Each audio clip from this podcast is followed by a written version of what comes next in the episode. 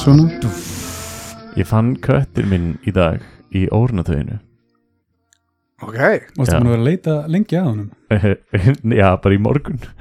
Og órnatöði er skúffa sko, svona stór skúffa og ég held að sko, leið á þingdin á kettinum fyrir skúffuna þá lokast hún hægt og rólega.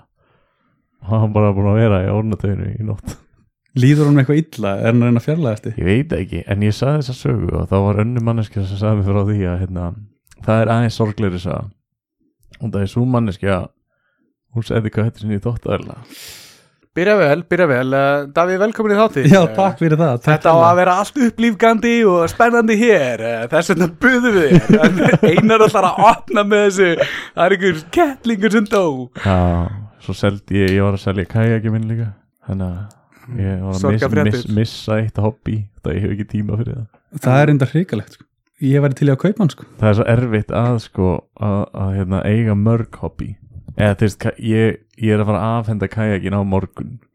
Ég á hann ennþá, ég er að fara að kveðja hann á eftir. Hmm. Þú voru að passa að kötturinn komst ekki upp í kækina selja hann með kajaki Fylgi með. Heitir, kajakin minn heitir Halastjarnan sko og ég er búin að merkja hann með svona íslenskum galdrarúnum sem eiga að fiska vel og, og hérna og góða heimferð og þannig en senastu tvö ár hef ég notað hann þetta í sexirum og það er á einu sinna þessu ári Það er erfitt að réttlæta þannig sport sko. já, En ég er alveg sammálaði sko. Ég er með allt og mikið í gangi á sama tíma sko. En það tengist allt einhvern veginn því að það er eina sem að tengir hlutina að ég hef gaman að þeim sko. já hmm. það er kannski svona rauð þráðurinn Já, já, Er það tilgangi lífsins? það gæti verið er gaman. það er mjög slæmt að vera með hobby sem þið finnst leiðilegt Myndi það þá skilgrinast sem hobby? Ef þú er hérna masokisti Já, þarna fannstu eina hobby En segðu mér, akkur, hérna, hvernig varst að nota kajakin til þess að vera veiða á eða varst já, að bara ég á- ég á mest að veiða hann en líka kann leika með bara að segla Mhm. Sko, ég ætlaði ísokir inn í veiðisöðunar en ég bjóst ekki við að þáttunum myndi blastast af stað með veiði. Ég er vera, ég, þú veist, það, það er það er sko, núna er bara það er verktíð veiði, sko. Ok, ok. Já, já. Ég- Hefur búin að sjá bleikinnar á þingaldátt? Nei, en ég er svo spenntur að sjá myndir af þeim. Já, þær eru, þær eru núna er að býta vel, sko. Ég, Þetta er nefnilega, sko, það er hættan við þetta að, að ef að fólk er að fylgjast með á samfélagsmiðlum þá heldur fólk alltaf að það séu allir að veið, mók veiða, sko. Já, og, og taka upp, herru, ég, ég kaupi með stöng. Svo fer það út og eftir einn dag herru, hvað, er ég eitthvað lélur að veiða? Þetta er tvo daga. Herru, ég er hérna kannski já, ég tek myndalina með eitthvað ég get kannski gert eitthvað annað ef ég, ef ég fæ ekki neitt fisk. Og eftir þrjá fjóra daga, sko, þá, þá er maður bara hugsa um að skila vöðlunum og, og í mínu tilfelli, sko, þá Gekk svo ítla veiða hann um daginn þú tókst, Nei, ég- þú tókst mikið af myndum, tók ég. Já, já, nákvæmlega. Nei, ég er að tala um kannski almennt sko, þetta er kannski bara á við um flest uh, áhugamál sem að byrtast á samfélagsmiðlum. Og, sér, og bara flesta hluti almennt. Að þú Já. sérð alltaf bara glansmyndina náttúrulega, sérð alltaf bara sko. fiskinn skilur Já. Já, ég, ég er mitt með svona ferðalas Instagram, sko, það er alltaf lovey-dovey og ógæslega gaman en þú veist, ég er ekki að sína það því ég þarf að kúka út í, í móa eða, eða þú veist, er, er með blæðandi hælsari eftir að lappa með 20 kíló á bakinu og Já. það, sko. flæktur í runna með fluguna og algjöru ruggli sko en eh, samt, mér finnst eiginlega besta við veiðina er kyrðin, sann, sko mm. Já, ég er alveg sammálaði því sko, sko ég er tildulega nýbyrjaðar að veiða uh, svo það komið fram hérna bara í byrjun þáttar. Já, en ég hef mjög gaman að því og, og sko þó að ég sé til dæla nýbyrjar að veiða þá hefur hún samt kent mér ákveðna þólimæði sem að ég vissi ekki að ég, ég hefði sko. Já. Það er, það er mjög gott, sko. Og ég ætla að sé ekki flesti sammála um að sé einhvers konar hugleislega tengt þessu líka sko. Ég er bara, hérna, nú er til svona tvær típur á veiðköllum og það var eitt sem tók mér svona aðeins undir væng og var að koma mér inn í það. Og hérna, hann sagði mér það það er til tvær típur, það eru þeir sem eru æstir í að veiða og njóta þess að veiða og fílingurinn en svo eru dellukallar Mhm. þeir verða að vera í flottustu vöðlónum Mhm. þeir verða að vera með bestu stöngina og eru meira pæli í búnanum heldur en veiðinni sko. og eitt af því fyrsta sem hann sagði við mig sko, var bara fisknum er skýt sama hvernig þú lítur út nákvæmlega og, og einhverju auka líkir í köstum og okkur, þetta er bara vitleysa Þú bara að kasta línunni á staðin sem hún vilt að hún fari. Já, komdu þessu bara út í. Ég, ég veit berðu eiginlega, bara sko. borð. Ég er kannski, já, ég er kannski deilið því mig ég fór um daginn nefnilega í veiði á þingvelli og tók tvo með mér sem að hafa eiginlega aldrei veitt. Annar þeirra er góðu vinnu minn sem að sem að viti held í síðast þegar hann var fjögur ára á bryggjunni já, eða eitthvað þannig og ég fekk stöng lánaða hjá öðrum vinni mínum til þess, að, til þess að ég geti verið mjög og leiðu honum að hafa stöngina mína um, af því að það er í þessum, í þessum bransa þetta er svolítið svona, fólk, fólki þykir væntum þetta er eins og leifur ekkert hverjum sem er að klamra á gítariðin eða eitthvað þannig sko já, já, já. og hérna við erum komin á Þingvallavatn og hann er ekki með neina- neina vöðlur og, og hérna það er svona lítil brú eða svona lítil tangi hérna sem er búið að smíða á Þingvallavatni það sem ég hefði heyrt bara út undan mér að þetta er flottur staður að kasta hann í ósin eitthvað. Og ég segi við hann bara, heyrðu, já, þetta er flottur staður að bara kasta hann í ósin nákvæmlega og ég hefði heyrt. Og svo fer ég úti í, í, í vöðlunum svona, svona 20 metrum frá honum. Og sko að því að við erum nú bara í hljóði hérna en ekki mynd þá, þá get ég kannski reynd að sína ykkur samt hvernig hann, hann basically bara lamdi vatnið. Með, með stönginni. Bara svipuhögg. Já og, og, með báðum. og leið mjög vel með það sko, ég held að hann væri var flottur og Ég sé ekkit aðtöðavert við þetta Sjálfur verandi ekki veiðumæður sko miða við það, ég, ég hef búin að vera að fara þarna og æfa köstin og, og eitthvað svona. Veist, þetta, er, þetta er svona fagurfræði að einhverju leiti líka. Já. og ég sé að það eru svona þrýr, fjórir aðrir ungir veiðmenn aðna á staðnum og þeir eru svona að byrja að snúa haustnum eitthvað hann er að lemja flugin í, í, hérna, pallin og, og ég svona sé að þeir eru byrjað að flissa eins af hann og ég hugsa, herðu, ég fer og hjálpa ég, ég, veist, ég er nýbyrjaður ég get ekki kent honum neitt sko. En ég fer kannski aðeins og hérna, segja nokkur orð við hann, ég kalla eitthvað til hans herðu, eitthvað og hann, hann lítur til mín og ég sé bara, herðu, hann er hann er strax svona fast, búin að festa sig í einhverju. Já. að stöngin er alveg hókbógin hjá honum og ég sagði, herru, ég er að koma ég skal, ég skal koma að hjálpa þér. Og ég er svona að vaða til hans og hann lítur á mig og segir, ég, ég þannig eitthvað hjálp maður, ég er góður eitthvað. Ég er, já, ég, ég er að koma, ég er að koma. Svo kem ég upp og ég ætlaði bara að fara að klippa á línuna hjá honum og setja nýja flug, herru, þá er hann bara með 5 punta bleikju undir eftir þrjár mínútur að berja á vatninu eftir að ég er ekki búin að fá fisk í 5 daga, sko Og gæjandir að flissa. Og gæjan er að flissa. Og, og hérna, ég snýri mig við uh, að gæjana sem er að flissa og segja, herri strákar, fáum við hávinn lánaðan hjá okkur? Við erum svo með einn undir. Hann var ekki lítið sáttur sko, eftir þrjár mínútur. Herri, þetta er bara, það er bara búið gaman að vera að veiða. Shit. Er þetta eitthvað er tengt þetta. þarna spenningnum að bak við hana nýju grínmynduna íslensku sem kom út það er góð spurning, síðasta síðasta, veiði Já, þegar síðasta veiðiferðin. Að við séð hann, ég hef nefnilega ekki séð hann ennþá. Ég hef ekki gaman af veiði nýja veiðiferðum en vákata var ánægileg mynd samt að að horfa ég er ekki sko. búin að sjá hana heldur. En að þú ert einn búin að sjá hana Bjarni. Uh, Já, ég, ég hef bara heyrt um hann og ég hef heyrt uh, að margar af þessum sögum eða þessum atriðum eigi sér uh, stóði í raunveruleikunum Ég hef heyrt það nefnilega líka og það gerir þetta skemmtilegra sko. Mm. Að því því svona, já, ég man ekki ég var búin að mynda mér einhverja skoðun um þessa mynd. Ég ætla bara að reyna að muna hana. Ég, ég, ég mun svo slæmti minni, sko en það tengist í eitthvað að ég trúði ekki alveg einhverjum karakterum út af einhverjum ástæðum, að þetta er íslensk mynd en maður, maður styrkir náttúrulega íslenska kvikmyndaframleyslu eins og maður getur með því að fara einu sinna á fimm ára fresti á einhverja mynd sem heitir eitthvað svona. Það myndi maður ekki frekar bara ef maður væri veiðikall fara frekar að veiða heldur en í bíó. Jú, en kannski ertu í, þú veist, COVID. Þá er frekar að fara í- að veiða. Og þú ferðir á, ferðir á eitthvað hva, uh, mynd, hvað heitir þarna síðan það sem að rænir höfundar Deild. vörnu, deildu.net og, og nærðir það þar rændu.net ég meina ólöglegt download Pirate Bay, hvað gera sjóræningar þeir eru að ræna og rupla og, og ég fekk mitt samtíðna þegar ég var að byrja að komast í veiði dótið, þess ég verið í mörg ár en alltaf svona dótið inn og út.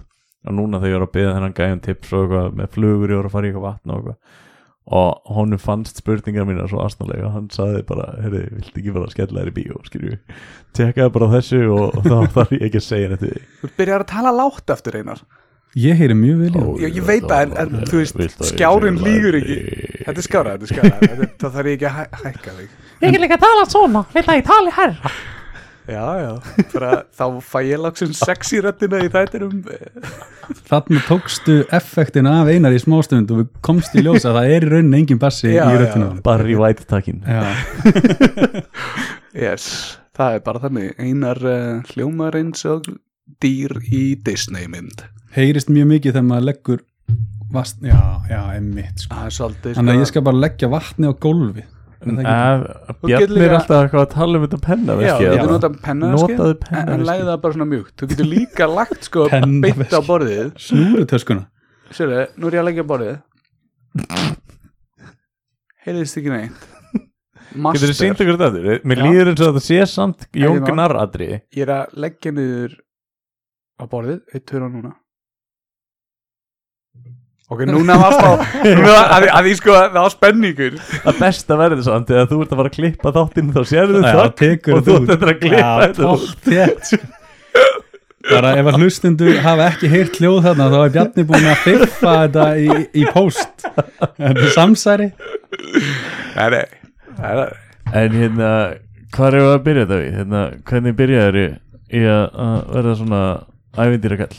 Reynum að veiða það upp úr honum. Já, Já, það er kannski góð spurning. Um, Ég hugsa að ég sé ég sé bara drengur sem að hef áhuga á allt og mörgum hlutum í einu og, og mér finnst mjög gaman að ég að, að kunna ekki eitthvað og læra það. Það er sem sagt ferli bara þegar maður er algjör óviti yfir Mm. það að vera mellufær í einhverju já, já, já. Um, svona master of none mellufær í öllu. Kann að meta það, kann að meta það. En það er þetta, ég hef bara rosalega gaman að því að þessu, þessu, þessu ferli sem að felst í því að, að það er líka svo mikið að framförum fyrst. Já, já, svo, svo er maður farin að vera ágetur í einhverju og þá svona hægist á framförunum og þá sem maður eitthvað eitthva annað og eldir eitthvað annað. Þannig að já, ég bara ætli það sé ekki ástæðan, ég bara eldi þá spotta sem að, er sem að dingla fyrir frammi sko. svo gæði sem er alltaf að byrja í rektinni já, já, já, nákvæmlega. Fullt af framförum í tvo mánu og hætti síðan. Já, En það er að lifa með uh, harðsperðunar sem hún færið að því það byrjar enginn bara í ræktinu og tekur léttulóðin það hefur, það hefur aldrei gerst í sögu mannkins. Allavega ég ætla að segja að þeir sem eru fullir af testosteroni og svona kalkins og svona matsjó þegar þeir lappin og er að fara að lifta og þessi svona, nei, nei, nei, ekki taka svona þungt þetta eru fyrstu dagur, og ég reyðileg við þetta skilju, og það finna er að fólk sem er nýbyrjað í ræktinni það er alveg með frekar gott power af því það er ekki búið að vera að gera raskat skilju, já, þetta er bara búið að byrja þetta inni. Já, já, ég veit, þetta er svona unleashing the Hulk inside. Og svo bara, þú veist, tveimtöðum setna þá sérðu eftir þessu Já, og svo, svo hefur maður hýrt að það sé að besta sem þú getur gert er að fara í ræktina þú ert með haspur. og Já. til að losna við það Já, já. já, reyfaður úr sér já, ég hef nú reyndar hýrt þetta með að lappa úr sér hérna hasperir og ég hef lappað og lappað og lappað og, og kálfa hasperir er eitthvað sem þú losnar ekki Forrest við sko. Gump Það er bara aðri Nánast. og ég endaði með að sofa tvær nændur í hérna bretta skónum mínum af því þeir eru nákvæmlega ell þannig, að- þannig að hérna, ég gætt lappað á klóstið og pissað og svona. Ég fer svo ofta að pissa á næturnar og ég þurfti eiginlega bara að skríða ef ég var ekki í brettaskónum. Að Býrði í fjölbíli eða uh, nei, bara einhver sem að býr við hliðina þeirra fyrir ofan eða eitthvað þannig? Uh, ég, bý, ég bý einmitt núna í randhúsi en þegar þetta gerðist þá bjó ég á annari hæð á, á, á suðugötunni Ég er að velta fyrir mig hvað sko nágranniðinum hafi fundist um miðjan nótt er að heyrist allt í einu í brettaskóm já, klöngrast á klósetin heili vinnu minn hann var örgulega bara, tók ekki eftir þessu. Draga skíðaskóna eftir gólfinu. Já, já, hann hefur heilt svona klonk, klonk, klonk, klonk og svo pss, ah. heyrist ekki annars pss, Þú, þú geta sagt við hann, ég er svo þungur þegar ég þarf að pissa sko. Já, að það kemur alltaf svona hljóð. Svo lappaður á höndin tilbaka. Þetta er sigg á hælnum. En núna, eh, þessi þáttu kemur út mánudaginn sem er frítaður veslumanna Vá, mm. og hérna við tökum er- okkur ekki frí það er ömulegt veður um helgina. Ég er, er í þeim spórum núna að cancela fjagra daga göngu út af veðri. Ok, hvert ætlar að fara? Við ætlum að labba svinstinda utanum hérna, langasjó í veiðvötnum ok, en, Þú varst að búið þetta nafn til á staðnum? Nei, Sveins tu- tindarum veiðivötn í skaga fyrir því nei, nei, langasjó í, í veiðvötnum Nákvæmlega. Mjög ætlar flott. að fara að veiða líka? Já, ég ætlaði að taka veist, gönguhópunum var eitthvað á móti en ég ætlaði bara að láta það vita að þetta væri bara mjög sérstakur göngustafur sem ég væri með og reyna að veiða í leiðinni en eh, reyndar vissi ekki að ég var ekki með veiðlifi en hérna núna er ömulegt viður hvað ætlað þú að gera núna þegar er ömulegt viður um Veslamælgina, Já, ég er að vinna sko. Já. ég er bara safe. Fuck. Ég er, þetta er reynda frábæra frétti fyrir mig sko. ég er mjög hæst ánað með að verða vondið það er reyndar að vond viður á sunnundi nei, það, það, svo restina á að vera sko, og rigning, þannig að það væri flott að veiða en þarna erum við sko komið það mikið herra yfir sjámáli mm -hmm. og þegar það verður skífall í veiðvötnum þá verður svo kallar whiteout þá sérðu ekki nema mögulega meter þú veist, fólk Ok. hefur týnst á vatninu hvítu, það hvítu dagur. Já, það, það nær ekki í land eða þú veist, veit, ég bara, veit ekki hvað átt landið er. Það það svamlar í ringi það er svo mikið að eigum nei, á bát líklegast. En hérna, að það er bara það veit ekki hvort það sé að stoppa landið eða eigu og er bara týnt á vatninu og það verður svo þykk þókaðana En þótt að, sé, að þú veist að, En það, það er með GPS Þá er alltaf eða ekki? Jú, jú, ef mannstætti punktum og svona en e, núna kannski minni á það að, hérna, að Garmin var að skýta á sig í þessari viku því að rústneskir hakkarar hökkuðu Garmin og heldu öllum upplýsingunum í gíslingu. Í alvörunni? Já, hmm. ef að þessi rústnesku hakkarar vita eitthvað meira en Garmin um svona fytuprósentinu mína með það er endilega að deila þið bara. Fuck, ég heldur að við komist í síma minn líka að því í gær þá þurfti ég að resetta öllum símanum mínum að því hérna Google Play Store hætti ekki að poppa upp að segja Google Play Services is not working eða, eða is constantly eitthvað doesn't open eða eitthvað, það var eitthvað þetta var tilkynning um að eitthvað var alltaf að slökka á sér og það var alltaf að koma þessi tilkynning bara, bara uh, þú veist að opnust miljón gluggar skilji og, og mm, ég þurfti einhvern veginn að ná að loka glugganum, gera eitthvað eitt loka glugganum, gera eitthvað annað svo poppaði gluggin alltaf aftur upp. Ég endaði með að þurfa að senda skilabóð á einar um að láta mig hafa einhvern kóða sem ég senda á hann. Sem þú sendir í vitlu símanum Já, sem ég sendi ég eitthvað villu símanúmer. Að, að ég þurfti líka að ná öllum gömlu símanúmerunum og handskrifa það í tölvu þannig að ég sendi það bara á eitthvað númer. Kóðan þetta er mjög líklega targeted af Garmin eða samt bara bjarni að vera nývaknaður eða eitthvað. Hvað er í gangi í þetta en hvernig var það, byrju, urði ekki var fólk ekki úti eða hvað gerðist, var, það fullt af fólki sem að reyði sig á Garmin á hverjum degi? Ég veit það, og ég er, ég er er, allir ég týndir ennþá mögulega, nei ég veit ekki. Nei ég heldur séu búin að endur heimt eitthvað núna en þetta var bara svona, þetta var svolítið sjokk sko en ég ætlaði með það að spyrja þetta ég fór að, fór að pæla í Garmin og þá það maður náttúrulega að vera með GPS teki, Mhm. það er kostnæður en úrið svona sleppur en þú er ekki nógu nokkvæmt sko. En þú ert að tala um það og vil ég vera mellifær í Mhm. nokkrum hobbyum. Startkostnæðurinn er alltaf dýrast. Já, ég þú veit það, ég veit þá ekki bara alltaf fátakur já, ég meina ég er með fullt af hlutum upp á lofti sem ég mun aldrei nota aftur. En ég meina til þess, til þessi markaðurinn. Maður selur maður kaupi sko já, ég, ég grætti á myndavélinni sem að, ég keipti með myndavél hérna um árið sem var fyrsta svona DSLR myndavél mín og, og hérna prútaði hann eitthvað niður og seldi hann að sér um daginn á, á gróða og búin að eiga hann í 2-3 ár sko. Þú ég, veist, ég, þetta er eiginlega, þetta fer eftir hvernig þú spilar þetta sko. Ég er mitt búin að eiga kæki minn í tvö ár Ég er að selja henni gróða. Já, nákvæmlega. En þú ef, að- að líka kaupandinn er hérna úti að hlusta. Æ, Ég er búin að búin að þetta. Var þetta eitthvað mikill peningur að sem kajakin kostar Nei, Já, nei, hérna- já. myndavélin, Myndavél- nei, þetta var ódýr myndavél já, já, að því þú veist, þú verður líka að reikna með að þú veist, fjall ekki krónan svolítið í COVID og já, þetta var allt eftir bara vísitölum og Ó, ok, verðbólgu já, ok, já, já, reiknaði já, með þessu. þetta er Æ, allt ég löglegt samt- sko. ekki- Ásker Jónsson með þér í þetta selabokastjóra Ef ég pæli í því svona með því sem ég fylgja með bátnum Það eru kannski að tapa þrjúðu skalli já, frábært. Þá ertu búin að er- eiga hann að bát frí. Já, já, já En þessi bátur, bátur nýr kostar alveg 230 skallandi. Er þetta bátur sem er með fótstiga? Nei, Það verður að er vera bara- þetta er- þetta er- fótstig þetta er flagskip ósarinnar á Akranesi, þetta er stærsti báturinn frá þeim. Þetta er, er svakalega Glotti á þér að segja mér að þú fyrir eitthvað að bylli mér núna. Nei, nei, nei, nei, þetta er svakalega bátur sko. En ég skýrði hann halastjörnuna Er hann ekki hérna niðri Já. bara? Nei, ég, hann verður þetta niður eftir smá. Ó, veitu hvað Fórstu Yes. með hann á markaðinn Seldir hann og eitthvað Nei, nei, Hvernig virkar þetta? ég veit ekki Ertu búin að nota hann eitthvað nýlega?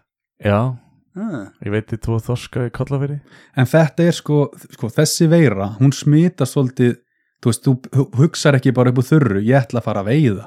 Þú veist, þú hlýtur að hafa kynst veiðinni í kringum fjölskyldu eða ekki? Já, ég veist, ég hef verið eitthvað að veiða en hefst, þetta var samt impulse buy sko, ég er bara eitthvað, einn daginn bara herri ódýr hérna kajak á Akureyri er, er ekki saman því skjóðist og ég skaust bara á föstu degi til Akureyrar og kom heim með bátinn og löða þig Þetta er eiginlega bara sama, nákvæmlega sama saga og ég gerði hérna fyrir tveimur mánum, skaust til akkurar og kom heim með jeppa. ég veit skilji. Vá. Halló, halló, halló. Ok, við erum kánir á þér hérna, Þið eru þá svona impulse buyers myndi að ah, segja. ég kefti mér einmitt Nei, sko, ég, ég, ég vil meina það að allavega eins og ég réttlæti þetta fyrir sjálf mér, þá hérna, þá tók ég það ákvörun þegar maður sá fram á það að sumarið yrði bara hérna heima. Já, og þetta er í rauninni líka ástæðan fyrir ég byrjar að veiða að einhverju leiti sko er að maður átti að sjá því að maður var ekki að fara til útlanda og þú veist, það er alveg tveir metrar í næsta mann upp á hálendi þannig að veist, það er ekkit mála að ferðast innanlands og ég hugsaði, já ok, ég var samt alveg til í og svo það komið fram líka, ég keipti mér ekki jeppa bara til þess að fara í veiði, ég er náttúrulega er, hérna, hef mjög gaman að taka ljósmyndir líka og og, og hérna í fyrra þá man ég alltaf eftir ég að veist, ég er alveg búin að rispa allt undir áreisnum sem ég er á sko. Og heila, hann er að detti sundur. Og ég hugsaði að ég kaupi mér eitthvað sem kemst yfir allavega yfir næsta það er Malaveg, fínt sko. svona á, uh, á bí, eiga bíl sem kemst allar í bása já, einmitt Ég, það er svona markmið mitt og svo ef þú, ef þú ætlar að færi stærra þá viltu komast alveg inn í Langadal já. þú veist, yfir krossana sko. það er planið að ég ætla að reyna það núna 7. ágúst þá helgi, þá erum við að plana að fara sko um, eins og staðan er núna á stöndu planið þannig að við ætlum að fara á fösti upp í landmannlögar og veiða í frostavatni Já, og taka aflan með okkur inn í landmannlögar uh, grilla Cats of the Day beint út í laugina og skóla því niður með, með einni stelu eða svo gista svo þar og, og leggja svo í hann upp í þósmörk daginn eftir. já. Ég Ég, er eftir að selja miða þetta hljómaði svo góð auglýsing Já. bara. Ef einhver vil koma með mér þá ég, einhvern Ég, það er, núna er enginn að fara sko en við erum að plana, við erum að plana ég var, að- ég var að reikna út að ná sér í svona jeppa sem kemst alveg sko það er öruglega svipa dýrt og búnaður sem þú þarfst að kaupa til þess að lappa laugavegin eða ætlar að koma hinum einn frá yfir krossana.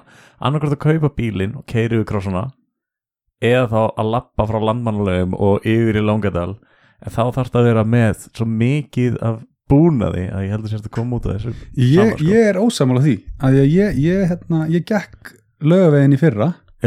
Um, við fórum þrýr þá. Nei, við tókum tjald með okkur. Við vorum reyndar þrýr bara í sama tjaldi þannig að við skiptumst á að bera tjaldi og, og við lögðum upp bara mjög óplanaðir þannig sé sko, við vorum ekkit eitthvað um, við vorum ekki með, þú veist, búin að tala við skálaverði eða neitt, en þetta er náttúrulega allt stikað sko, já, já, já. þannig að ef að fólk vill fara, jújú, jú, sjálfsögur verður með vaði fyrir neða þeim, við vorum reynda mjög hefni með veður sko, en, en hérna þetta var ekkit sem, að, jú, kannski átti maður eitthvað til. Já, já. Þú veist, en ég var ekkert að eigða miklum pening. Ég keipti mér eitthvað ferðahangklæði og eitthvað svona dót sem að, uh, sem að ég held að myndi endast vel.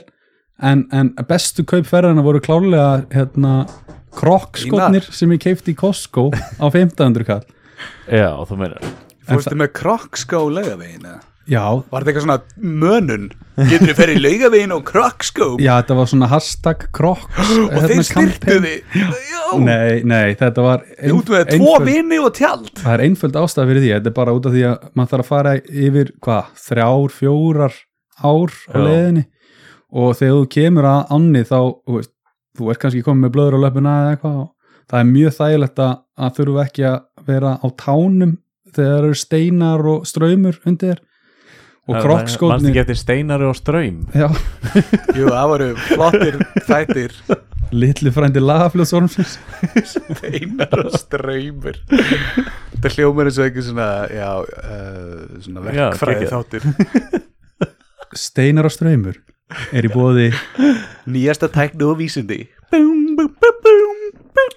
Æ, ég, við, hérna, við, við kærastum er, erum með svona gear room heima. Já, og það er einmitt ef, ég, ef í svefnherbygginu Róla dildóar og útivist að búna tjaldhælarnir þeir nýtast ímislegt og rústa parketur heima. En hérna, þetta þú veist, ef ég er svona þú veist að, ef ég fer að hugsa út í peningi sem fer í svona búna það er störlað, sko. Já, en hversu mikill peningu fer í, í flugmiða og hótelgistingar á móti ef þú ert að fer, veist, ferðast öðru í þessi Já, ég það ekki, hún sér um það líka.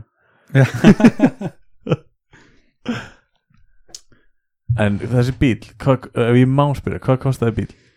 Uh, já, mátt alveg spyrja, það er ekki mál ég, svo ég, ég keipti mér, uh, ég keipti mér sem sagt, uh, gamlan jeppa sem er breyttur. Um, og hann, hann var til sölu á, á Þórshöfn hinum einn á landinu. Já, og hérna ég, ég semst fyrir til Akureyrar og hitt hann þar og fæ bílinn þar. Já, ég keipti hann á, ég held að endra, henda á 700 skalli. Já, já, já. uh, sem er nú ekkit eitthvað uh, hræðilegt sko. En, en, en ég er alveg nokkuð sem að ég gæti selt hann á saman pening ef ég myndi vilja losna við hann já, já. Eða meira, ég meina, þú nú bara að færa sölum að já, við ætlum nú ekki að fara að gefa, gefa það allt upp Við hérna. erum með jeppa Já, og Hann er að 900.000. segja Hann er að segja 700 En hann kostaði svona 500 Hann er bara, og svo allar hann að Æ, selja ég hann á meina, sko, 600 að- að- Að kaupa sko uh, hérna, útvistar skél jakka og buksur kostar 200 skall sko. já, það er enda rétt. En áður við höldum áfram. Skór er alveg, þú veist, 40.000 skilur við, þetta er fljótt að telja. Tjaldi er kannski 50 skall. Hvað er breyttur í eppi fyrir uh, fólk sem veit Hann er með hvað sjö hurðar. Nei, með disk og kúlur svona frammi Hann, er- það er rauninni bara uh, bíl sem er á stærri dekkjum. Það er búið að eiga við grindina og hækka, hækka bílinn. Og til þess að hann komist uh, já, Er það alltaf skilningurinn? fyrir að- neðan sig. Já, Er, nákvæmlega. er, það, er það alltaf skilningurinn að þá er hann líklega til að komast yfir ár eða eitthvað svona? Já, hann er líka líklegri til þess að bila eða eitthvað, veist, þetta er náttúrulega Já, ekki þetta er ekki beint úr umbúðinu sko. það er einhverju knoll og tótt sem er búin að vera að setja þetta saman einhver stað Já, þannig að það er alltaf gott að vita hver, hver breytti bílnum og, og ja, veist, sögu bílsins sko. Já, svo kemur eitthvað svona, það klikkar eitthvað, byrju eitthvað ljósa blikka og þá þú ferði í hútti og og ringir í eigandan, hann eitthvað svona, já, heyrði hérna Siggi frændi, hann sá hann rafmagni, ég man ekki alveg hvernig hann tengdi þetta, það er eiginlega best að þú ringir í hann. Og þá ringir hann, já, sérðu bláa og græna það, ég tengdi hann í orðina í staði fyrir hinn. Og maður er bara svona, dude, skilur það þarf bara að vera handbók með breytum bíl Já, líka við, sko. klárt. Ég trúi því alveg að þú hefur átt svona símtali með einhvern einar. Ég hefði bara gefist upp áður en ég hef keift uh, bílinn. Uh, jeppan, hann er breyttur já ég veit ekkert hvað það segja, En- ég ætla ekki að fá hann. en, en svona jeppa kallar sko, þeir elska að tala um, um jeppana, ég myndi aldrei flokka mig sem, sem jeppa kall sko, en ég, þegar ég var að leita að bíl þá komst ég að því bara, það eru, það eru grúpur á Facebook fyrir alla tegundi bíla sem að menn eru að skiptast á skoðunum og herðu á einhver flipanabin aftan í þarna? Og þá er bara einhver gæi hinum en landinu, já ég senda hann á því veist, þetta er, þetta er, þetta er skemmtilega samfélag sko. Ok, Davíð, stoppaði mig leið og þetta byrjaði að sanda crazy En ok, þú ert svona ævintýrakall. Einar er svona ævintýrakall. Hann átti kajak, þig langaði kajak. Hvað eða væri bara svona samfélag uh, ævintýrakalla og hvenna á Íslandi þar sem allir væri bara að, að svona skipta. skipta og, og eiga saman bara eitthvað mánaðagjald og þú bara, hei, kajakin laus hérna ég sko, ég, ég fekk miklu meira að tilbóðum af einhverju drastli Mhm. heldur en pening upp í kækjum sko. skiptið út í maður. Já. Hefði, hefði einhvern látið mig hafa einhvern svona fjalla hjólabúna og það er næsta hobbyið mitt og nýr komið fjalla hjól þá hefði ég tekið það upp í kajakin en ég með að búið einhver málverk og eitthvað dót líka. Já, ég heyrði það í, í var það ekki í þættinum með Almar þar sem að Jú, að segja já, jú, jú, það er rétt. Að hérna, þú R og ég, Já. ég mani gert í þetta var bara vika síðan. Herði, ég ætla að grípa það á lofti og ég ætla að spyrja hérna, eru þið, eru þið spenntir fyrir að halda listasýningu og ljósana? ég, Já. ég er eiginlega búin að vera að íta svolítið í einar og ég er búin Já. að vera að minnast á þetta reglulega en ég er samt ekkert búin að gera endilega meira en einar en mér finnst það svo skemmtileg pæling og líka að, að fólk myndi mæta að því við ætlum að selja þetta dýrundómum en gefa veist hérna, ákvæðan til einhvers styrtarsjóðs við erum Ok. ekki búin að ákveða hvað en, en svona, en þú veist, já þá, þá erum við eiginlega búin að finna afsökun til að selja eitthvað verk á kannski díuskall sem er bara að dreigja út í raskatur á okkur skilur, list. List. List þér vel á það. Hvað er allir að vera? Eru þið komnið með venue eða? við, við, erum, við erum að skoða sko hversu mörgum partitjöldum við getum þetta. Já, ég, ég er búin að koma með hugmynd. Ég veit ekki ekkur einar er ekki að segja það. Hann vill aldrei tala um það en hérna að nota aftan í bílnum hans hérna, já sem sagt svona lista tombóla uh, já, mögulega. En þú kemur aftan í svona van skilur og, og hérna við tveir einu þar inni. Það hefur alltaf virkað vel að bjóða Æ, ég meina brúðubílinn Og ætlið að vera með nammi líka eða? við ætlum að vera með viski en kannski nammi, ég veit það ekki. Það er En þið, þið hafið ekki haldið listasýningar áður eða? nei. Nei, Vi, Mm. við ætluðum að fá þessa pointera frá Almar en við glimtum eiginlega að spurja ég skil, ég skil, já. Mm. Þið ætlið að merksjúa hann alveg. Já, já, af því hann Já. er með reynslu af þessu skilur eina sem, eina eftir þáttina eina sem okkur dætt í huga að vera geggjað að vera með almar í heitum potti á sýningunni. Já, já, og, og við myndum borgunum í rauðvíni og sígarettum. Já, og það kostaði inn á sýninguna og, og en Já, já, já, mynd, já, já. maður myndi þurfa að fá borga tilbaka já, já, og maður myndi þurfa að sækja klinkið í heitabottin til almars. Og kaf eftir því Svona bobbing for apples. Já, ég vildi geima klinkið svona fullt af einan krónum á milli raskinan hans og það myndi kosta 99 krónur í pottin þannig að þú setur 100 kall í pottin en þú þarf að ná í eina krónuna tilbaka skilur og það væri bara hlut af listinni. Þetta er allt Já, list, þetta er allt list. Ekki setja út af listin og vera með, vera með hérna, Arnar leikarafinn okkar á svona lúpu þegar þú borgar þá og heyrist í honum ég borga tilbaka já, já, já, ég, ég veit ekki hvort þú séð þetta legendary video á YouTube uh, Borga tilbaka? Já, já, já. ég kannast við það. Ef þið hafa ekkert að gera þá getið þið tjekka hérna, Þetta er svona svipað eins og voru þetta fundvís, eða ekki? En hérna, einar komið þá geggið hugmynd að Arnar væri að borgullum tilbaka, þú veist, og þá væri það bara, wow, það er fucking list, sko. En já, þessi það, ég, kannski verði ég bara með gjörning kannski ég rústa listarskjónum að spjörna Það Það þetta geggjað, og þá hækkaðu í verði eða eitthvað svona, þú veist, tvöfald list, já. tvöfald dýrari tvöfald dýrari Mm. Ég er allan mjög spenntur, ég er mæti Geggjað, geggjað. Ég ætla að kafa eftir þessari krónu alveg, alveg að reynu Það er ekki komið á hrein. En, hérna, svo er líka spurningunum, allir við þurfum ekki að senda ráðhúsinu svona einhverja beðni, svona, hei, megum við leggja drungalegum hérna, bíl og hleypa fólk inn í skottið og bjóða í viski og svona með listasýningu, Ég var ekki verið var ekki verið að gefa það út að hérna, stjórnin, bæjarstjórnin var að gefa út að, hérna, að fólk ætti að taka meira svona ownership yfir festivalinu. Nú, uh, ég, ég, Lest þú vikufréttir eða? Hvað sástu það? Nei, þeir voru að, legg, þeir voru að íta undir það að það er að sækjum einhverja styrki fyrir að vera með eventa Styrki einar, þarna kemur viskisjóðurinn og rauðvins og síkratusjóðurinn ég samt að við, getum ekki við verðum að vera með almar í heitum potti. Hann má ekki vera í fiski, fiskikari og það, það er oflíkt því að almar sé í kassanum það Já. verður að vera hringlaða Almar í karinu og Almar í kassanum það er bara alls ekki það sama sko. Almar Karin en, en hérna, að tala við hérna heitir, nei, nei, nei, hvað En bara Almar í baðinu Arctic Spas, hann að hessugæðinir Arctic Spass Já, hérna kannski bóðið upp á fisk líka eða eitthvað Er þetta ekki sömu gæðinir með Jú, jú. fiskikongin Jú. eða eitthvað Þannig að, þannig að sko listgjörningurinn ykkar verður það, all, þeir eru bara manager ef Almar alltaf komist ekkert svona auðvitað út af þessu. Hann er gulrótin, skilji, hann er ástæðan ekki fólk myndi mæta. Já, einmitt, hann er headlinerinn. Já, já, Já, já, ég skil. Fólk bara stendur og horfir á hanskilin og við erum svona auka svona, ef þú vilt kaupa eitthvað í giftshopinu veist, myndir af Almari í hinu þessum stöðum og eitthvað svona. þarna getum við lent Herbert Guðmusinni sko. mm, við erum að live show bara Hel Herbert og Almar saman í baði. Halmar. Halbert. Came Ok. okay. away undir. Já, ég myndi samt vilja að hann sé í sko síðfrakkanum en hann svona liggur út fyrir þannig að hann setur svona en frakkin er svona niður á jörðina Ég er samt líka til í að taka þú veist, aðra sín á, á Herbert Guðmundsson og hann má ekki spila Can't Walk Away.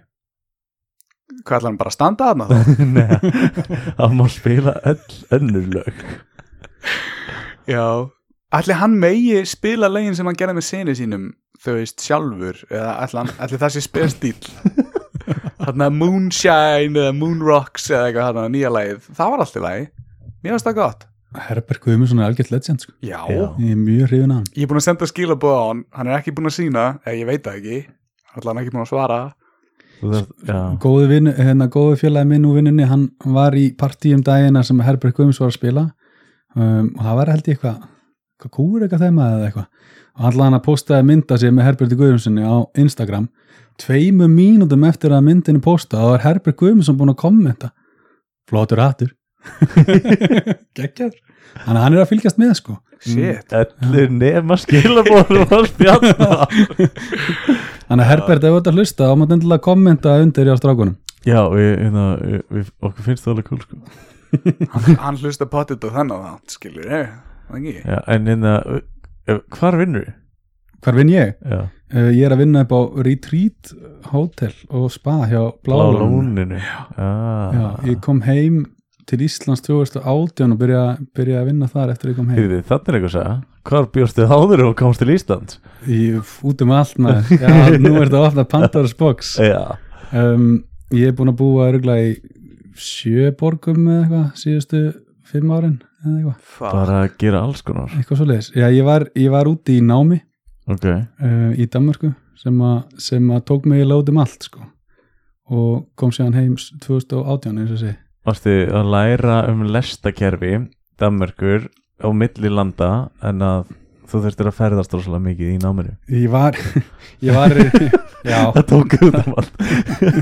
Þannig að ég, ég er fullgildu lestastjóri á Íslandi sem er ekki minn einu lest. Hann var að telja svona lengi Ég var bara að reyna, reyna að fatta skilju, hvað nám sem tekur mig allstaðar það lítur að vera eitthvað lestakerfi skilju. Ég get alveg lagt það á borð fyrir því hvað ég var að gera sko. Það tekur smá, smá stund sko, því að mamma mín skilur það ekki sko. Ok, ok Býtu, er þetta ekki hann að nýsköpunar uh, skólinn?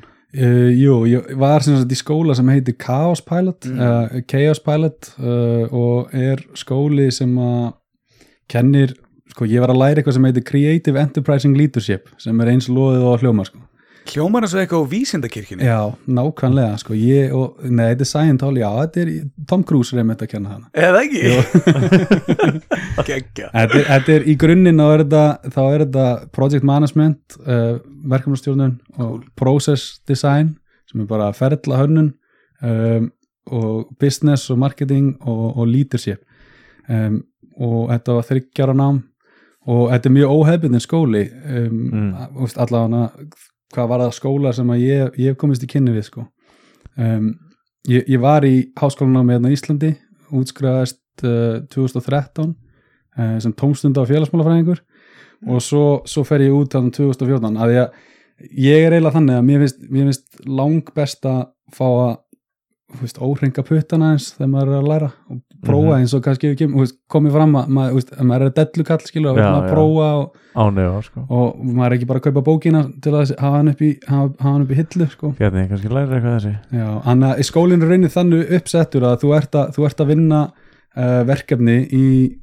skólanum og þú ert að læra og skólinn er, hefur rauninni enga kennara þetta eru fyrirlesarar sem koma vísvegar að úr heiminum sem eru að vinna við að gera einhverja áhugaverða hluti tengda því sem þú ert að læra hverju sinni Já, og um, svo, svo ertu þar kannski 2-3 mánu í skólanum og svo gerur verkefni sem er tengt þessu, verkefni út í, í heiminum með fólki sem er að vinna um, á, á, á þessu, á þessu stíði sem þú ert að læra sko. skólinn er með enga kennara mm -hmm. en hérna en, en þú borgar skólagjöldin bara inn á einhvern reikning í Cayman Islands einhverstaðar ég, ég er enda bara svörtum ruslapóka sko. nei en það er náttúrulega starfsfólk í skólanum. Þetta er bara að setja eins öðru í þessu upp. Þetta- er, að ég, ég, ég búin að heyra á þessu svona uppkomu uppsetningu. Já. og þetta er orðið geðið vinsælt núna. Já, þetta er, þetta er, það er allavega sko fleiri Íslendingar heldur en ég sko grunaði að- hefði verið í skólanum áður, en að, áður en að ég var í honum.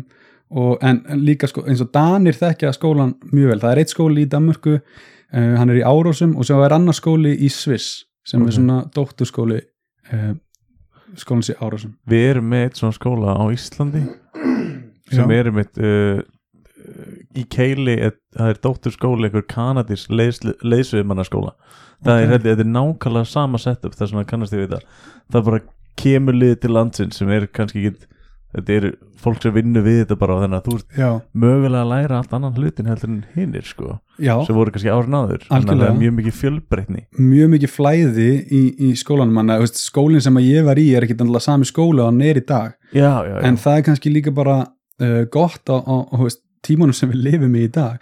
Ég persónulega sko, hef ekki rosalega mikið áhuga á að læra eitthvað skúfuverkefni hjá einhverjum sem er búin að kenna í 25 ár um, og er ekki í takt við það sem er að gerast úti í, í, í samfélaginu sko. Já, en, en allavega prófessorar í háskólanum uh, Háskóla Íslands þurfa að fara held ég á tveggjara, þryggjára fresti í eitthvað svona rannsóknardæmi þar sem þurfa að rífresja þekkinguna sína.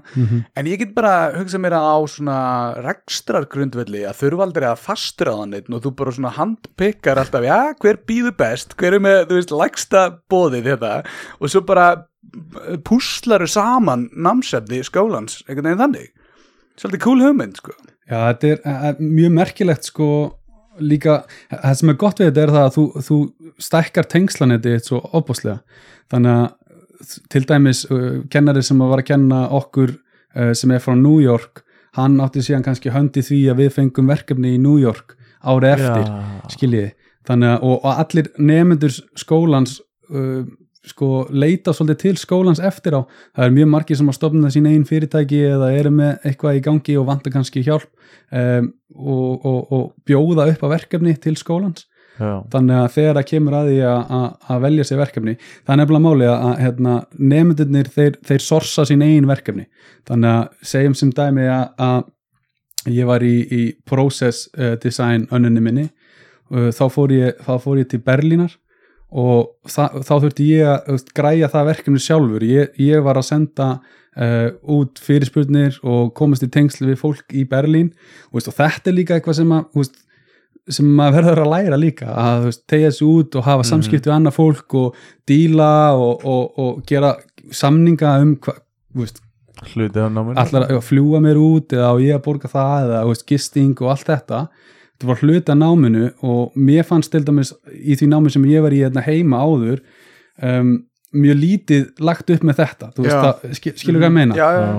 Um, svona hands-on einhverju verkefni. Já, En, leið mér að spyrja þið, þetta hljómar ógeðslega eh, fyrir, ef þú myndir segja mér þessa hugmynd fyrir svona fimm árum, þá myndi ég hugsa ó, hvað þetta er eitthvað svo óþægilegt og ég þyrfti að gera þetta allt svona sjálfur, ekki að ég myndi ekki nenna því, heldur bara svona að, að, að setja sjálfum sig svona út og reyna að hafa samband sjálfur og svona, var einhver svona umsjónum að þessu gæst svona dottið á og svona hei, hérna, ég þarf aðstof með eh, smá lögfræðilegu hliðin og þessu sko.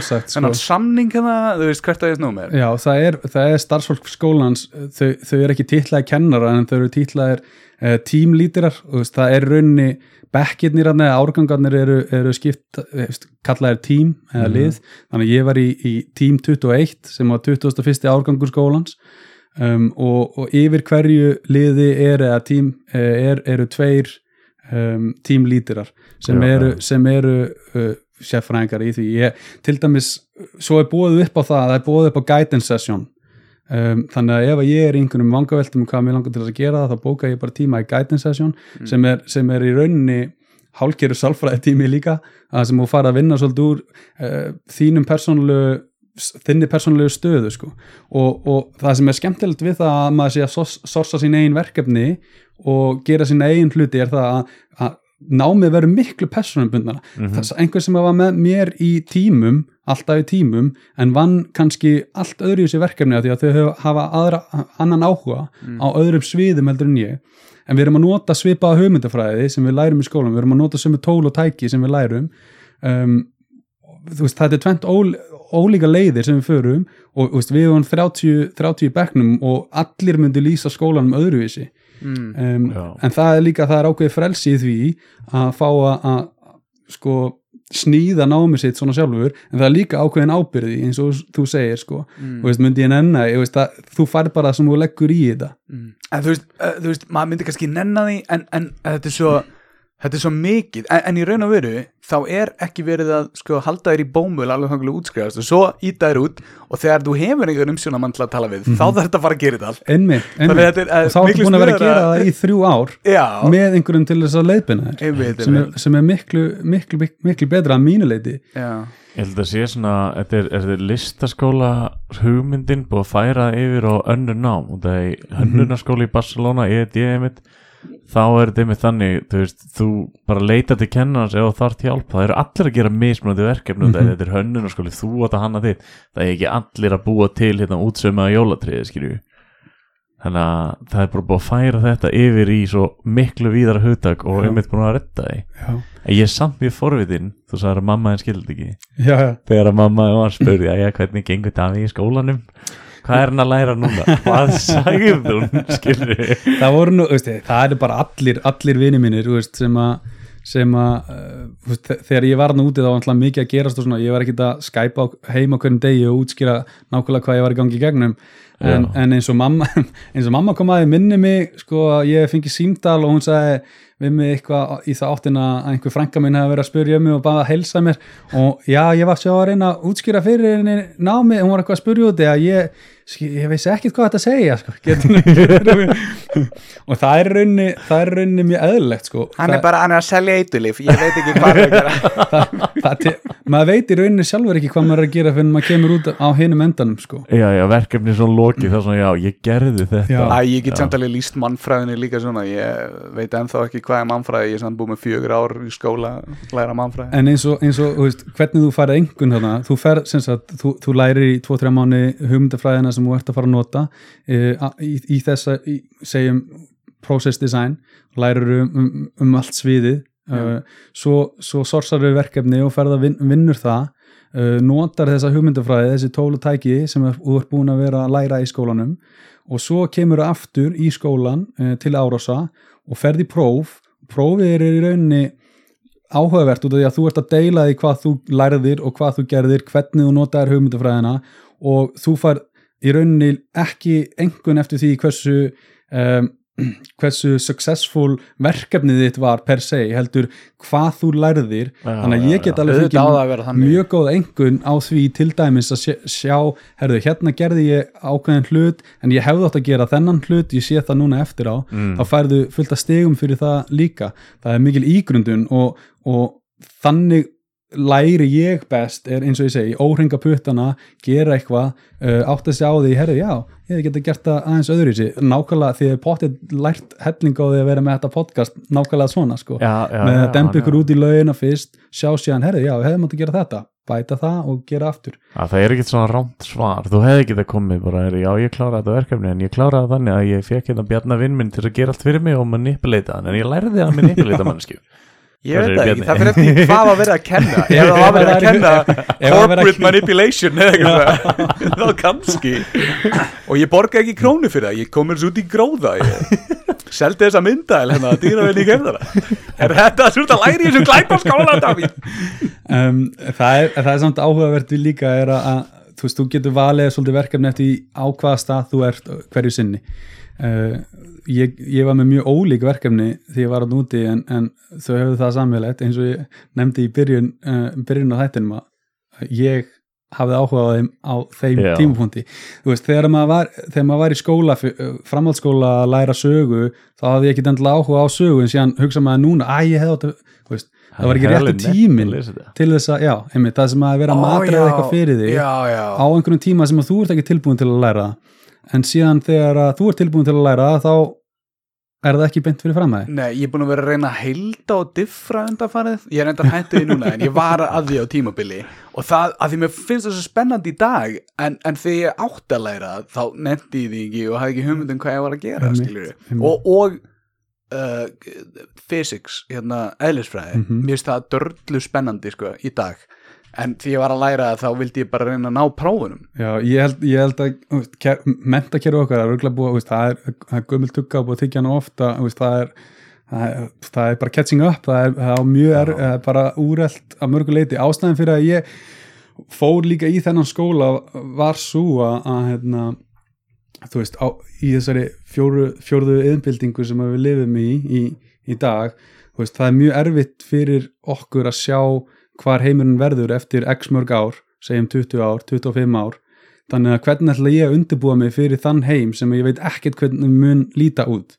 Það var svona pælingi sem satt í mér uh, áður en að ég fóri inn á skóla og, og það eina sem ég vissi var rauninni um, að yrði til staðar er það bara og, og, og eitthvað sem ég hefði áhuga á að gera var það að ég hef áhuga að vinna með fólki þannig ég ætla að læra það að vinna með fólki læra það að vinna í hópum og leiða hópa og læra hugmyndafræði sem að, sem að hjálpar okkur að, að, að um, láta hugmyndir verða að veruleika og, og gera eitthvað skapandi. Það, veist, það, það var í rauninni það sem að drómi þarna út. Mm um, og, og þetta er það opið nám núna að veist, ég treysti mér alveg til þess að takast á við mjög opin verkefna því ég er með svona grundvallar hugmyndafræði sem að, sem að hjálpa mér til þess Þú veist, þú gætir alveg dottið bara í miðjun á einhverju verkefni og tilengaðir hugmyndafræðina svona. Já, að því að, að, því að sko hugmynd, struktúrin er til staðar og svo er það bara fólki sem er að vinna með þér uh,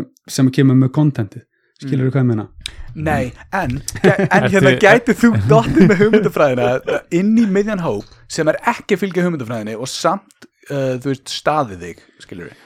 Já, það fer eftir í hvort að hópunum vill vinna með hug- hugmyndafræðina þú getur, veist, það er bara, það er bara ákveðin samningur Gefur sem þeim að Kool-Aid sem þeir þurfa að drekka eða Get, getur, þú hefur ekki heyrt með Kool-Aidið og svona sértrúa söfniði þetta er að því Já, já, að ég var að segja já. vísindakirkjuna, ég er alls ekki að drulliðin á mig þetta er bara svona tjók En að því ég þarf að afsaka það þá er það orðið ennþá vera ertu búin að ná rúmsándinu? Ef að byrja að taka upp já, hérna, ég er ekki búin að íta rætt sko. Nei, hérna, þetta er námsánd hérna, Þetta er, eins og þú segir Þetta er kannski stór hluti að taka inn En þetta hljómar þetta mjög spennandi. Já, það er, ég, ég við ekki neðalega það er mjög erfitt að útskýra þetta nema að tala um konkrét hluti, þú veist, að því að þú ert að tala um svolítið meta uh, hluti sem er mjög erfitt að setja niður nema eins og ég segja, útskýra það í hvernig, hvernig uh, eftir ákveðnum verkefnum um, Þetta, þetta Se- fylg, sem dæmi, sko, ég get útskýrt fyrir ykkur eins og, eins og hvað ég lærði í process design. Uh, þá, þá er verkefni mitt að fara eins og ég nefndi til Berlinar og ég á að setja saman um, hóp af fólki eða hópur sem er samansettur af fólki sem er að fara að stopna nýjan skóla uh, sem, er, sem að var svona alternativ viðskipta skóli, lítill skóli Já. sem, sem að var til í Amsterdam sem að átti að koma með uh, nýtt branch í, í Berlín og það er hópur af fólki sem hefur aldrei unnið saman áður, átta manns sem að þekkjast ekki mjög vel en, en ha- hafa öll áhuga og eitthvað, einhverja sérkunnáttu til þess að vinna saman mm þá er ég fenginn inn þar sem process consultant uh, sem þýðir það að ég raunni mappa út hópin, tala við og tek viðtöl við hvern og einn einstakling uh, finna út hver, hver þeirra sín er af vinnunni sem að þau munu vinna saman uh, og mappa það allt út áður en að þau hittast í, í, í fyrsta skipti. Já, og svo hittast þau hérna í, í vinnustofu eða workshopi sem að við höldum og þá, þá þekki ég uh, alla einstaklingana í hópnum og er búin að snýða dag, dagana sem við eigðum saman að því að samræma uh, þeirra sín, tala um hluti sem þarf að tala um uh, og, og, og, og vinna með ákveðna hugmyndifræði sem þau vilja vinna með í áframhaldinu. Svo stíg ég bara út í verkefninu og það, það rúlar, skiljiði. hmm. Ert þú á bakvið svona speil og þau sjá þig ekki síðan Nei, alls ekki, Nei. alls ekki. Ég- þetta er eins og eitthvað CIA shit hérna, Þetta við hljómar samt sem svona nám sem hún getur líka nýtt alveg bara í þínu áhugasviði svo. Mm Veist, þetta er svo vítt, þú gætir alveg gert A en þið langar miklu fyrir að gera E skilur Mhm. og þá, það nýtist í alla bókstafana ef við tökum svona svolítið opið dæmi mm. Já, þetta er, þetta er rosa stór reglíf sko, til þess að reyna að fylla upp í uh, og sérstaklega að maður er ekki að tala um einhverja konkrét hluti sko. Um, veist, en, en, en mjög ólíkt líka ég, veist, eins og næsta verkefni sem ég vann eftir það það var, það var hljóðlistasýning í, í, í Mm. Hollandi þú veist, og þá, þar er ég að vinna samt með ákveðina, ákveðina hluti sem eru sö, sömu hugmyndafræði eða sam, sömu tól og tæki til að búa til hugmyndir en á allt öru um, allt örum forsendum og þá er ég sjálfur að vinna uh, þá er ég ekki bara að konsulta eitthvað annan um, Þá ert þú á content creator líka já, já, já, já, já. þannig að þú veist, þetta er, þetta er mjög Ertu að mismunandi finna styrkleika og veikleika hjá mismöndi fólki og svona, hei, einbeitt þú þér bara að þessu, þessi hérna ætlar að einbeita sér að þessu, eða þú veist, ok, þið megið svo sem ráða, en þú ert bestur í þessu en vilt þú ekki bara sjá þetta? ekki beint, ekki beint, en ég er að hjálpa fólki að finna sína eigin styrkleika og Mm, veikleika ok. og hvað það vill fókusera á uh, ég myndi ekki segja að allavega ekki þú veist, minn stjórnunar stíl var ekki uh, byggður á því að vera að segja fólki hvað það ætti að gera heldur Mm. hjálpa fólki að finna út hvað það vill gera. Já, Mm. þú ringdir sem sagt í gæja í þósver og varst bara eitthvað þú ert með, þig langar að hjóla. Seldu bíliðinn. Já, byrja að setja svona myndir af hjólum svona út um allt húsið hans. Eins og Darren Brown. Er Black Magic Hogwarts pælingar. Veistu, ég man ekki eftir að hafa vilja bjóðunum í þáttin Manst þú eftir því, Einar? Já, Ég man ekki eins og eftir að bóðunum í það ég, Herru, það er enda góð, góð spurning. Hvað, hérna, hvað var til þess að ég fekk búðina þá? Bjarni er búin að vera eftir mjög lengi. Og finna var, hann var alltaf að tala um hvernig Davíð sem var að gefa svo okkur mikið og ég ætla að við ég, er ég er nýbúin að að flytja og var geðið mikið að gera. Og ég var alltaf bara, já, já, redda hann með þau bara, redda hann með þau og hann heldur að þú þekkir hann gæði ég, var- ég var bara ekki búin að tjekka þessu á því. Svo ég það tjekkaði á því Hvað við- sagðir það þér? við fengum staðfest og ég alveg ég, ég alveg hvað gæði er það, hvað er að fara að ræða hann gæði og þessi gæði er bara að, að gera geðið upp mikið, skilju, við verðum bara að fá hann utan svo tekka ég, ég, ég veit alveg hvað þetta er maður, er þetta Davíð?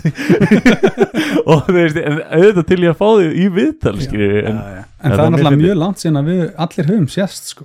En það er, það hefur ekki bara verið upp í vinnu eða eitthvað? Já, við vinnum saman. Ó, Ég ætla að hafa þetta sem svona gáti Ég ætla að spyrja Einar Getur giskað hvað við eigum sammeilegt Ég misti það út um Herðu, við editum þetta út og Já, já, já. Ísafía. Að því, að því Einar hérna, það, það er búið að bjóða rosalega mikið af Ísafi og fólki Já. Ég er að þátt sko. Að- þetta er svona fyrrum starfsmenn í Savia podcastið. Hvar eru þeir í dag? Einmitt. Já, já, já, að því allir vilja heyra. Og það er líka svo gott base fyrir hlustendur. Það er svo margir búin að vinna það þeir eru allir að hlusta á þetta. Not. Já, ég, nei, já, nei. Ég ætla aldrei að vinna í Savia Ég, hérna, strákar, ég er með einn spurningu fyrir ykkur, því að nú er ég forvitin um, um, um hérna, þáttinn hjá ykkur og, og mér langar að spurja, sko, hvað er það sem, nú er þetta, hvað, 67. Sjöundi. þáttur Já, og það er, það er ákveðin reynsla sem er komin hjá okkur núna með þetta uh, og mér langar að spurja ykkur, veist, nú, nú fjallar þetta um að eiga samræður og podcast eru það almennt, en hvað fyrir ykkur svona, veist, er ákveðin hlutir sem þurfa að vera til staða til þess að fólk eigi góða samræður? Já, án, án efa, ég, ég hugsa ég reyndar hugsaði áðan þegar þú varst að tala að við mættum svona taka aðeins meira til á borðinu en við viljum samt hafa það mjög heimilislegt. Já.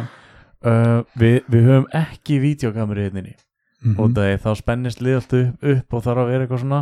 Ekki allir, en það er líklegt að Já. fleiri myndu Vi- mér, ég myndi vera ógæslega var við myndaðil eða væri Já, myndaðil við, við reynum ekki að vera með mikið af spurningum þó við höfum spurningar sem geta leitt samræðina eitthvert. -hmm. við viljum ekki að það sé viðtal þetta er spjall Já, þegar ég sagði Já. það mér að við þú Einmitt. veist, að því það skiptir mig líka ógæslega miklu máli að því við erum bara að spjalla og Já, við fáum alltaf spurningar og ég veit ekkert hvað ég á að tala um og bara, nei, þú má bara tala um það svo vilt. Þannig að það er eitthvað, eitthvað um það að búa til traust og, og leifa fólki að, svolítið að líða svolítið vel og bara vera sjálft sig Já, uh, og svo er, svo er eitthvað um það að um, komar að segja, spyrja opna spurningar mm. og ekki kannski búast við einhverju ákveðnum hlut? Ég, ég er ekki að einbytta mig mikið að því en ef ég Nei. væri að taka ekki eitt formlegt viðtal eða rýni hópa eitthvað þá myndi ég passa mig að hafa spurningar þannig opnar. Mjög ég, ég ætla að vona að við megum segja það en eftir síðasta þáttina við fengum Almar í viðtal þekkjum hann hvorur Já, og hann náttúrulega, þú veist, við nú að vita þú veist alveg hver við erum á þannig. Og hann var náttúrulega pínu skeptiskur að mæta. Og eitthvað svona, "Ó, hvað er ég, þar ég var að tala um eitthvað? Og eitthvað, var ekki alveg viss en svo kom hann inn og við bara byrjum að spjalla hann. Og eftir þáttinn þá hérna fengum við rós frá hann hvað það var ótrúlega þægilegt að tala við okkur. Hann Og- kom með smá svona hann var ekki alveg viss hvað hann var að koma út í en kom samt sem er geggja, ég elska mm Mhm. það fólk bara kemur í þáttur okkar, það þekkir okkur ekki. Ég elska það sko, að ég, ég er alveg bara og þá vill ég líka verðlunni það með því að taka hlýla á mótið þeim og leifa hann bara að gera það sem hann vill og já, og hann sagði það eftir þáttinn bara, ég bjúst við einhverju öðru og þetta var bara geggja og gegg gaman að tala við ykkur mm þú veist, það er líka kannski, kannski punktur, punktur uh, er það að, fólk einmitt, veit, er ekki með sérstaklega væntingar að því að veit, veit ekki hvað það er að fara inn í. Og fyrir marga eins og, eins og tölum um á þá er það kannski um, fólk er óhrætt við að stíga sérst hrætt við að stíga inn í óreðu eða stíga inn í eitthvað sem það veit ekki hvað er að gera hann er náttúrulega kannski þess uh, þengjandi að hann, hann er listamæður hann, Já, hann, hann, já. hann gerir það fyrir utan að hann er oft, búin að sko. taka viðtöl í hana, menningunni eða lestinni eða eitthvað svona, hann er Mhm. búin að vera alveg þú veist, hingað og þangað í viðtölum sko. Mhm. þannig að Þetta er, já, þetta er bara spurning þetta er, ég oft velt þessari spurningu fyrir mig af því að það, það er, við þekkjum það allir að, að stíga frá góðum samræðum með eitthvað svona, wow, veist, af hverju voru þessar samræður svona góð, veist, hvað var til þess? Og hvað, þú veist, voru einhverju ákveðnir hlutir sem, a, sem að gerðu það kleift að eiga góðar samræður. Og ég átti þessar samræður við vin minn uh, þegar ég var búin að vera úti í hálft ár og kom, kom heim. Og þá var, þá var svona, það var mikið maður að segja það var, það var mikið svona rugglað í rýmin á manni þarna úti fyrsta hálfa árið um, hvernig maður tjáir sig og opna sig og, Já, já. og, og tala um styrkleika og veikleika og í rauninni vera svolítið vulnerable og reyna að skilgrina uh, hver maður er og styrkleika og veikleika og allt þetta þannig að svona, svona byproduct af því var það að maður varð frekar innla, eða veist hvað maður að segja, vu- vulnerable, uh, innlægur já, já, já. og, og hérna, ég var að rætti við vinn minn hérna, við vorum að hanga saman strákur sem að ég um, sagt, kynntist í gegnum, gegnum vinahóp og við höfum ekki eitt mjög miklum tíma saman einir. Uh, og svo, svo áttum við kvöld sem var rosalega bara góðar samræður. Mm. og, og í enda kvöldsins þá, þá, þá spurði það mig eitthvað svona akkur, veist, hvað, hvað hefur orðið til þess að við áttum þessa samræða núna? Því við hefum ekki átt svona samræðar áður. Já. og við reyndum svona að setjast niður og, og svona backtracka samræðunar og reyna að koma að staði hvar, hvar þær hefðu komist á, á brautarteinana og, og fyrir okkur að sem að við svona náðum að setja puttan á þar voru kannski þrýr hlutir, einn af þeim var það að við höfðum um, plás við höfðum uh, rými það sem, að, það sem að okkur leið eins og við erum ekki trublaðir þú veist, við höfðum um, við vorum heima í honum bara í þægilegu rými þannig að við vorum ekki á byðskilinu skilur að byða til strætó. Um, þannig að það er, það er eitt hlutur uh, annar hluturinn er það að við höfum tíma við vorum hvori að, að fara einhvert. Þannig að það er pláss og tími og eins og þið talaðu um veist, að gera fólk já. hér, hérna inni. Og svo var það þriðja og það var það hérna, við, við, við svona rákum þetta tilbaka í það að annar okkar hafi opnað sig með eitthvað sem var ákveðið skref þú veist, það var ákveðið svona, herru, ok, svona vulnerability. Já, að op- opna, opna sig með eitthvað sem að, maður veit ekki alveg með er eitthvað sem ég er búin að vera pæli eitthvað sem ég er búin að vera óörugum með eða í vesinni með Mhm. uh, og, og, og, og bara deili því og, það sem gerist þá er, er áhugavert út af því að það að, að gerist tvent uh, fólk sem að heyri það að þakkar svolítið tröstið að, að, þú getur treyst mér til þess að deila því já, já, og, og sama tíma þó og, og, og mörgum, mörgum skiptum þá getur fólk uh, sagt uh, átt samleið með því eða þekkir það þek, þó að þekki ekki nákvæmlega tilfinninguna þá þekkir það kannski uh, svipaða hluti sem hefur gerst og þá deilir, þá ertu miklu líklega til þess að deila á móti. Mm, ég, einmitt, ég, ég, ég er með kenningu á baku þetta sko. Ok, og ég held við hefum rætt hana einhvern tímann hérna en it, þó svo að þetta virðist vera grínkenning þá hérna, Ég ég held ég viti- þetta sé kenningin. Held ég viti hvert þú ert að fara með þetta Já, og við hefum talað um þetta í hverjum einasta þætti heimafrænda ekki núna að hinga til. Jú, ég myndist á það áðan. Það, Já, hver, ég er nefnilega, ég er búinn að koma með það í þennan þá ég er greinlega bara hættur að hlusta á þig sko. Það er, það ég er fór eitthvað sem að þrísvar í dag. Já, það er eitthvað sem allir gera. Konur kallar dýr, allir fjandinn. Þegar ef maður nær að tala um þetta án þess að það sé óþægilegt þá er maður komin í vist comfort zone og það eru hægðir. Já, einmitt. Um leið að þú segir kúkabrandara eða talar um eitthvað sem gerðist þú veist, eitthvað svona dót eins og ég talaði um áðan, við vorum að tala um hérna, glæsi mynd Instagram en ég, veist, ég er ekki að sína það, ég þarf að skýta át í náttúrunni og sagði það? Já, en það er ekki jafn mikið og ég fær að segja ykkur að ég er búin að fara þrísvar í dag. hann er alltaf að það var drepa til lakrís maganum. svartur Já. sko, kúkurinn hjá mér hann er alltaf að drepa það til var lakrís að- svartur og ég, ég þurfti að fara tvisvar með bustan Í örgulega tvö af þessu skiptum fór ég tvisvað með bustan og sturtaði niður inn á milli En, til að ná þe en þetta er nákvæmlega sem þú ert að tala um. Þarna eru við báðir bara búin að bróta einhvern veg Já, vulnerability, við erum Já. búin að opna okkur um eitthvað sem er feimnismál hjá geðup mörgum mm og þá er svona eitthvað, að ok, þetta eru villisingar við getum verið að njóða ykkur hérna og gert bara hvað sem er þá ertu líka svona búin að leggja þig á brautateinana og þá getur hinn alveg lagst óhrættur af því að hann veit að lestin er ekkert að fara að koma. En, nema hann er alveg hann gæti kliftið út eða eitthvað nema hann var hann gett nesti og væri fælt að kliftum út af sér viss Það langar ekki að vera hlýðin hans í gæja, hann er alltaf með drullu. Já, það er einlegin En ein pæling frá mér Þetta var gett djúft og, og ég hef heyrt Þetta var virkilega flott, ég, öðruvísi. ég er mjög ánægð með Mér varst allt í læ Nei, mér varst þetta geggjað. Ég var alveg, ég náði að heyra þetta allt og var alveg í sjóninu þú veist að segja þetta, þetta var geggjað Er að hérna, einhvern veginn, alltaf þegar maður er að kveðja og er svona stendur í dyragettinni þá koma furðulegustu hlutir og, og þá skapast rosalegt samtal oft sko, þegar maður er bara að kveðja og kíkir ekki oft í heimsótt til einhvers og er bara svona í dyragettinni maður, það, það eru rosaleg samtal sem getur átt sér stað þar og þegar maður er á rúndinum hugurinn einhvern veginn byrjar að reyka svona einhvern veginn og maður getur byrjað að tala um hvað sem er ég oft viljað hafa podcast í bíl en höfum alltaf bara grunað að hljóðið væri slæmt Já, og, já. og svolítið svona tæknilegt vesen að við erum alltaf þessa græjur í bílnum skilur já, ég held það er eitthvað til í því sko af því að þú, þið er að fara eitthvað stefnu laust og uh, keira saman eitthvað. Ég, held, ég held að ég hef nú heyrt um það að Sveppi og Pétur Jóhann hafi, hafi byrjað podcast sem að þeir eru bara að keira og tala um ekki neitt sko. Já, Maggi Mix tekur upp reynda podcastið sitt í bíl en Já. hann þarf að stoppa sko. Já það þarf að stoppa. Það þarf, að stoppa hann. Nei, nei, nei, nei, hann þarf að Það þarf að stoppa já. Það þarf að stoppa það þarf að stoppa hann. Herðu, hann hefur- komið til ykkar ekki? Já, hann hefur sittið í stálinn hann sittur í. Já, geggjað maður. Hann borðaði líka sterkar núðlur með okkur já, ég finn það á stólunum það er enda Það er samt okkur tveir aðeinar búin að helli hennar stól. Já, Bæði Ég heldi líka kaffi og Já, ég er búin að hella í mig, ég tók upp eitt þátt á nærbuksunum, skilur þá er komið x mikið vulnerability líka inn já, já, já. já, Bjarni sagði með við mig fyrir þáttinn að þú teppin að ég er í buksum þannig að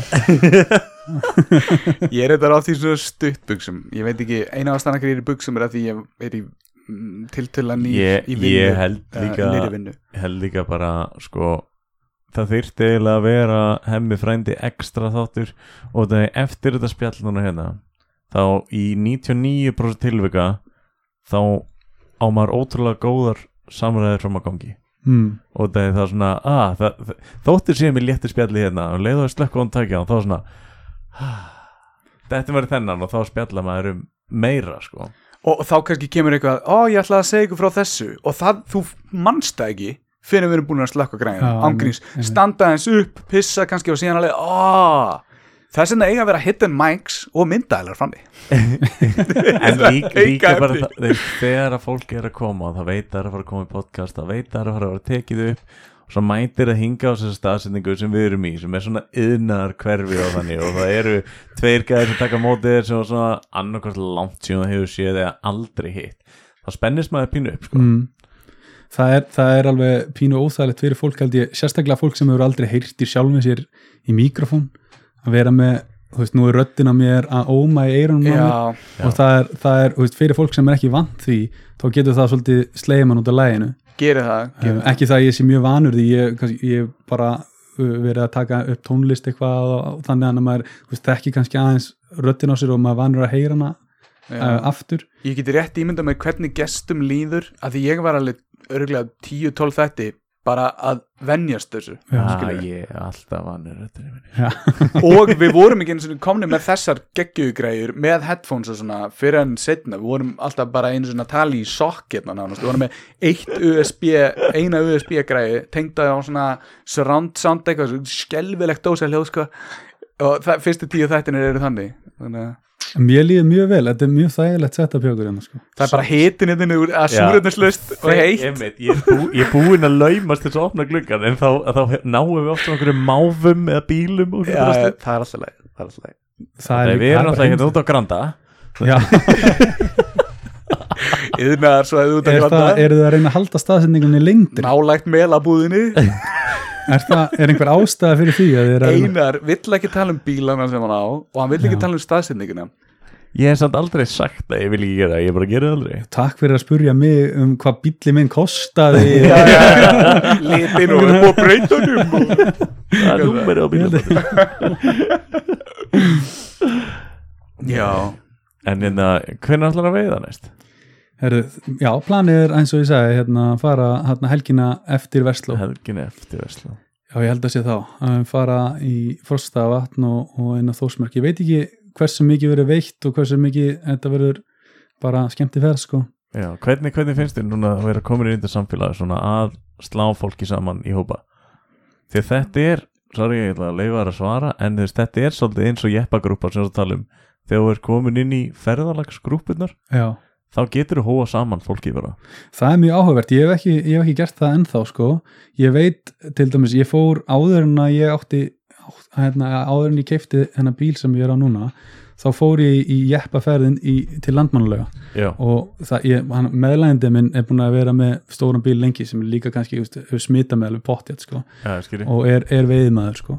En, hérna, við fórum þeir eru með grúpu sem, að, sem að heiti Jeppaskrepp og eru bara nokkur gaurar og allir sem er einhvern bíl og hóast saman til að fara einhverja ferðir. Mm og við fórum e, til, inn í landmannlögar hvað var það, í mars, apríl það sem var snjóri yfir öllu en þá Já, já, já, og, og hérna, menn voru að festa sig og draga upp úr og eitthvað svona, svona kallalegt sko, hleyp voru ekki fullt og, af blindbilum og einhverjum appisnugurum viðvörum frábært viður enn dag sko. Já, ok. það var geðveikt viður enn dag og, og hérna, nei, þetta var eftir þá, þá byli sko. Ok, og það er, þú veist, það var eitthvað svo, veist, og það er eitthvað, eitthvað við það líka að þú veist ekkert hvort þú kemst á leiðar en endla, Nei, þú veist, við vissum ekkert hversu, hversu fært væri inn í landmannlegu og það er þetta ævintýri skilur og reyna komið sanga og, og svo var gulrótin að baða sig í snjó, veist, snjór allt í kring og heita lögin Ah. baða sig einni stelu þar. Þar voru síðan einhverju gæjar á snjósliðum að, taka einhverja kunstir og, þú veist, En núna að vera farþið í svona bíl. Geggjað sko. Hva, Já, það? En, en það var mjög gaman en þá einmitt hugsaði ég, ég verð að fá mér bíl. Þú veist, það, það Ég tekið alltaf að sitja Nei, nefnilega ekki sko nefnilega ekki ég myndi alveg sagt að mig það sko. Ég er algjör svona sit, sitja bara á Við erum bara í tengdum bóksinu já, þess vegna sko. Bara með gott podcast eða einhverja tónlist þá er ég góður sko bara þess vegna ekki einu svona með útsýði dreigi Þú fyrir ert bara að tala um líkistu bjarni. Mm, get ekki beðið þetta að deyja. Líkistu bjarni. Það hljómar eins og skemmtilegt við Ætlar að láta grafa það Björni? Ha? Ætlar að láta grafa þig? eða? á, ætla ég að, lá, ætla ég að láta? Uh, kryddlegin einhver svona skipun þau grafið mig! Uh, mér er að svo stöddu alveg sama, ég er ekki búin að mynda með skoðuna því. Nei, ég heyrði einhvern tíma fyrir nokkrum árum hérna að það var eitthvað nýtt þá sko að maður gæti sem sagt látið brenna sig og svo var hægt að, stinga manni niður með einhverjum fræjum að maður geti orðið tré. Var ekki fannaróli Svolítið að tala um þetta hann, hann er pottið að fara að vera tré ég er alveg svona Hann heldur bara áfram að stækka. En mér fannst það mjög, það mjög svona, svona heillandi sko, ef maður skilur eitthvað eftir fyrir fjölskylduna, ef maður er með eitthvað hús einhver staðar og svona, á, hann er afi í garðinu maður, hann er að spretta upp maður, eitthvað svona, ég myndi alltaf láta vilja splæsa mig saman með eitthvað gott Cajun krydd svona á einhverjum indverskum veitingastæði eða mexikanskum eitthvað virkilega stert krydd þannig að þú myndi vera eitthvað krydd planta, nei, bara þú mixa mér 50-50 ég þú ætla bara að vera Þú krydd. Þú Hann vill- Hann vil vera tré. Það er svona þetta Mér fyndi eitthvað svona Krakkar hætti að hanga í afa. Eitthvað svona En, en samt fílingurinn á meðan Bjarni bara eitthvað, nei, hérna, ég vil einhver fái illt í magan af mér. En svo þú veist, svo lifnar við sem tríð og ert alveg Vá, hvað er leiðinlegt og búin að lifa svona lífi þess að þú varir að ferðast gett mikið og svona og svo ertu bara kjur með alltaf sama sjónarhóttnið í staðin fyrir að vera inn í magarum á fólki og endi í klósettinu. Uh, Það er miklu meira aksjón. Alltaf að sturtaði niður, skilur wí, wí, wí. Alltaf að styrta þig niður. Myndir, þú myndir vera krydd. Já, sem að, og myndir vera núna eru þú komin í Þú ert ertu, ertu, ertu, hvert einasta kryddkott ertu með meðutundi því? Já, ok, það er svolítið flókið sko nei eh, Þú ert að Heimurinn, spila nýjan leik hérna. Já, út af því að, út af því að á next end, level shit sko. endanum Það eru reglur hérna Bjarni. á endanum enda öll þessi kryddkott í hérna síu eða út í sjó og hvað morfast þessi kryddkott saman aftur það of life Er þetta að fara að hitta sjálfa þig sem kryddkott? Kanski, kannski meira þess að þú veist, borða ég sjálf mig óvart eða eitthvað Ég er ekki búin að hugsa þetta það langt, come on, ég meina ég var bara að láta mig þetta í hug hér sko. En mér finnst þetta cool bara að því engin annar sagði þetta. Og ég er spicy